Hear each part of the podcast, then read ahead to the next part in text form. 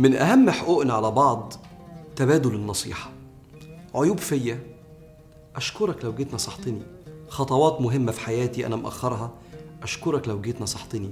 تصرفات غلط محتاج أخد بالي منها أشكرك لو جيت نصحتني. وعلى أهمية النصيحة دي بينا وبين بعض لكن في نفس الوقت أثبت الواقع إن من أكثر التعاملات المنفرة والمؤدية للخلاف والتباعد هي النصيحة. وأنا مش بقول لك الكلام ده عشان تبدأ تقيم اللي بينصحك. أنا بقول لك وبقول لنفسي عشان نبدأ نركز مع نفسنا لو هننصح حد. ساعات النصيحة بتطلع بنية صالحة وهي إيصال النفع والإرشاد للخير وليها علامات لازم تعرفها من نفسك. وساعات النصيحة بتطلع بنية مش كويسة اسمها ممارسة السلطة الأدبية وليها علامات لازم تاخد بالك منها من نفسك. علامات النصيحة الصالحة اللي هي دافعها إيصال النفع والإرشاد للخير رقم واحد اختيار الوقت الأنسب للمنصوح بحيث تتوسم فيه الاستعداد. مش أي حاجة تيجي في بالك تتقال في أي وقت لأي حد. هو أنت عايز تقول ولا عايزه ينتفع؟ فخد بالك. عشان كده في باب في التشريع اسمه باب التدرج. إن مش كل كلام ربنا نزل مرة واحدة على أي حد في أي وقت. كان في تدرج في التشريع عشان ربنا كان بيراعي استعداد العباد. تقول السيدة عائشة كما في البخاري أول ما نزل من القرآن مفصل الصور يعني الصور القصيرة. فيها ذكر الجنة والنار. حتى إذا ثاب الناس إلى الإسلام أقبلوا على الإسلام نزل الحلال والحرام. ولو نزل أول شيء لا تشربوا الخمر لقالوا لا ندع الخمر أبدا. ولو نزل لا تزنوا لقالوا لا ندع الزنا أبدا. ولقد نزل على محمد وأنا جارية ألعب في مكة بل الساعة موعدهم والساعة أدهى وأمر. وما نزلت البقرة والنساء اللي هي آيات التشريع بقى الحرام والحلال إلا وأنا في المدينة. فأول حاجة في علامات النصيحة الصالحة إنك أنت تراعي الوقت المناسب لاستعداد اللي أنت بتنصحه رقم اتنين الاتزان. بين الرفق والجدية مع غلبة الرفق.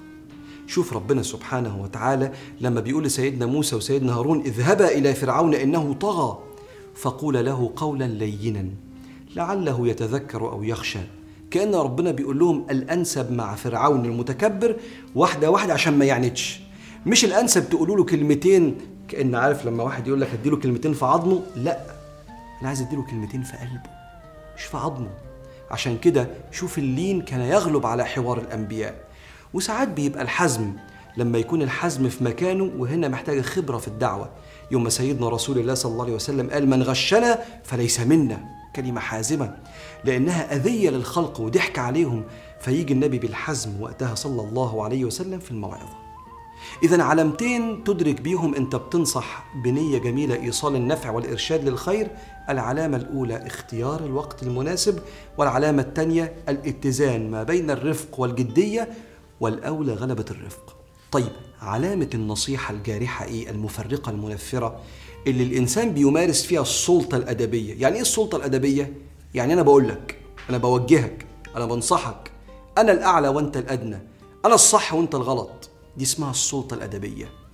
علامتها إيه؟ العلامة الأولى الغلظة والتهكم. الصالحين لما بيدوا نصيحة ربنا يقول فيهم ثم كان من الذين آمنوا وتواصوا بالصبر وتواصوا بالمرحمة. شوف ربك يقول وأمر أهلك بالصلاة واصطبر عليها. واحدة واحدة. اصطبر على استماع مبرره وهو بيعمل الغلط. أنت مش جاي تزنقه. اصطبر على استماع وجهة نظره في الطريق اللي هو ماشي فيه غلط. انت مش جاي تكسفه. اصطبر اصطبر فالعلامة الأولى على ممارسة السلطة الأدبية والنصيحة الجارحة النصيحة بغلظة وتهكم. العلامة التانية؟ لو نصحت حد قدام الناس اعرف إن أنت باللغة الشبابية كده بتكاتشن عليه. عايز تعمل فيها فاهم وهو مش فاهم.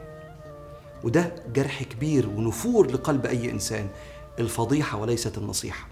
عشان كده الشافعي يقول تعهدني بنصحك في انفرادي وجنبني النصيحة في الجماعة فإن النصح بين الناس نوع من التوبيخ لا أرضى استماعه.